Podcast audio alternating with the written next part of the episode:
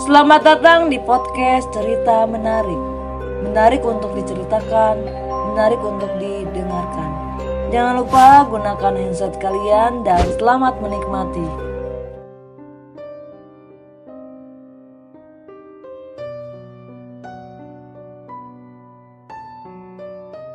Selamat malam, selamat pagi, selamat sore, selamat siang, para pendengar cerita menarik. Kali ini gue bakal bercerita lagi tentang pengalaman pribadi gue yang judulnya Kedatangan Mr. X. Buat kalian yang belum dengar cerita episode sebelumnya, bisa dengar karena cerita ini e, berkaitan dengan yang mau gue ceritain ya guys. Jadi kita mulai aja ceritanya. Jadi di tahun 2014 kalau nggak salah si Mr. X itu meninggal. Meninggal dalam keadaan tabrakan. Keadaan tabrakan. Lukanya itu ada di mukanya berdarah guys mukanya berdarah ketabrak kendaraan dia terjatuh terus eh, kena aspal jadi berdarah. Dia meninggal terus dikubur dikuburinnya eh, di belakang rumah gua. Kehalang rumah kehalang dua rumah dari rumah gua. Nah setelah dia meninggal rame dong. Rame tuh di rumah apa di lingkungan rumah gua uh, gua dalam keadaan sakit. Uh, gua nggak nggak heroin hp gua. Hp gua tuh nyala terus. Bunyi terus tuh hp gua. Tapi gua tahu kabar dia meninggal itu dari pengumuman dari musola. Deket rumah gua tuh musolanya. Terus gua kaget karena posisinya gue itu lagi sakit. Jadi gue nggak bisa ke mana-mana jadi gue di, di rumah tidur aja terus tidur aja terus tidur aja terus gue cek ternyata teman-teman gue ngasih kabar kalau si Mr. X meninggal. Gue ya gue merasa takut sedih. Gue bingung kayak gimana. Gue harus uh, harus berbuat apa. Tapi dengan diumumkan di musola gue langsung dalam hati gini maafin gue gue banyak salah. Pasti gue banyak salah. Gue udah maafin lo terus. Nah setelah informasi itu dan dia dikebumikan sekiranya belum tujuh hari dia udah dimakamkan belum tujuh hari tuh dia tujuh hari dia di belum makamkan ada kejadian aneh di rumah gue udah muncul. Gue malam-malam ke dapur ke dapur tapi dapur gue tuh ngerasa serem banget. Sampai bulu kudu gue tuh berdiri. Gue cium bau bau banget ya.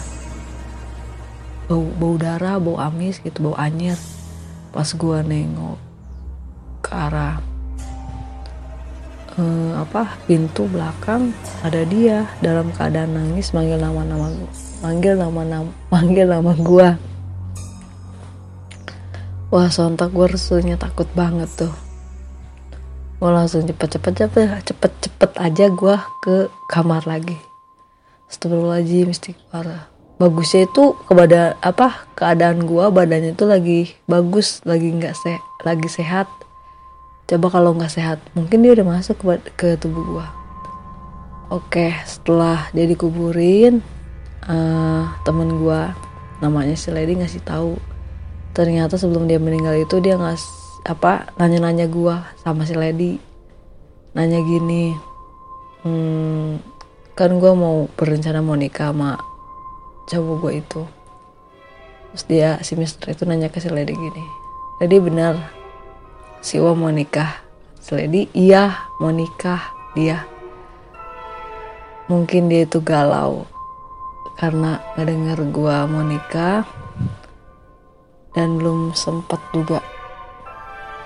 Sempet karena keadaan gue sama dia tuh kurang baik ya semenjak gue tahu dia melet apa e, buat gue kayak gini gitu. Buat dia pakai cara dukun segala gitu melet gue terus setelah kejadian demi kejadian itu banyak banget gitu ya kejadian-kejadian kejadian-kejadian aneh setelah dia meninggal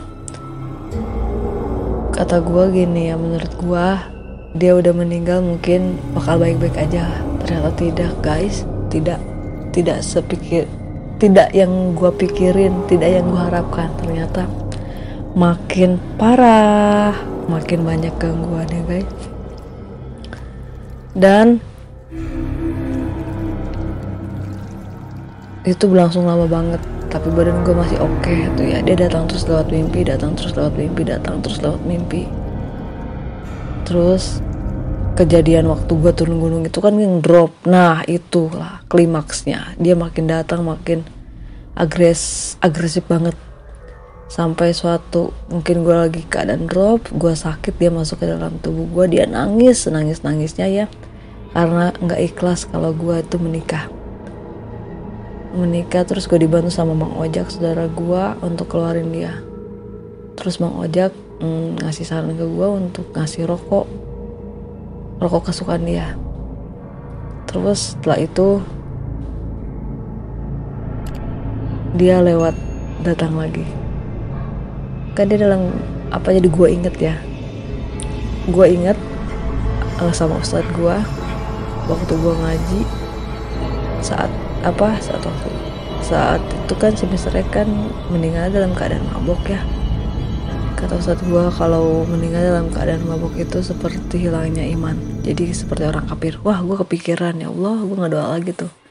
Ya Allah semoga si Mister X diampuni dosa-dosanya di sini ya Allah. Oke kita lanjut lagi ya. Pas gue disembuhin sama si Mang Ojek itu kan gue langsung ngedrop lagi. Dia muncul lagi tapi sekarang wujudnya tuh bukan seperti dia tapi dengan laki-laki ukuran badannya dia tapi badannya sebenarnya hitam guys. Matanya melotot gitu. Dia selalu datang ke gua uh, selalu datang ke gua mau mau siang. Jadi tuh wujudnya muncul. Gua lagi apa pacaran sama pacar gua gitu ya. Dia muncul. Dia nggak suka. Kalau gua itu pacaran sama pacar gua. Nggak suka dia kayak nggak mm, nggak mm, ikhlas nggak nerima. Jadi gangguannya itu banyak banget. Dan bikin akhirnya tahun 2015 akhir des bulan Desember gue pegat sama pacar gue hingga akhirnya gue nggak jadi nikah guys. Karena gue sakit. Dan setelah itu gue tidur. Gue tidur ya guys. Di samping gue ada dia. Sosoknya mungkin dia mau lotot gua gua nggak bisa. Nggak bisa bergerak tuh ya Allah. Sampai berapa ya? Sampai sebulan. Dan akhirnya gue di Rukia setelah di Rukia membaik. Tapi nggak se 100% ya tapi dia masih kadang suka ada.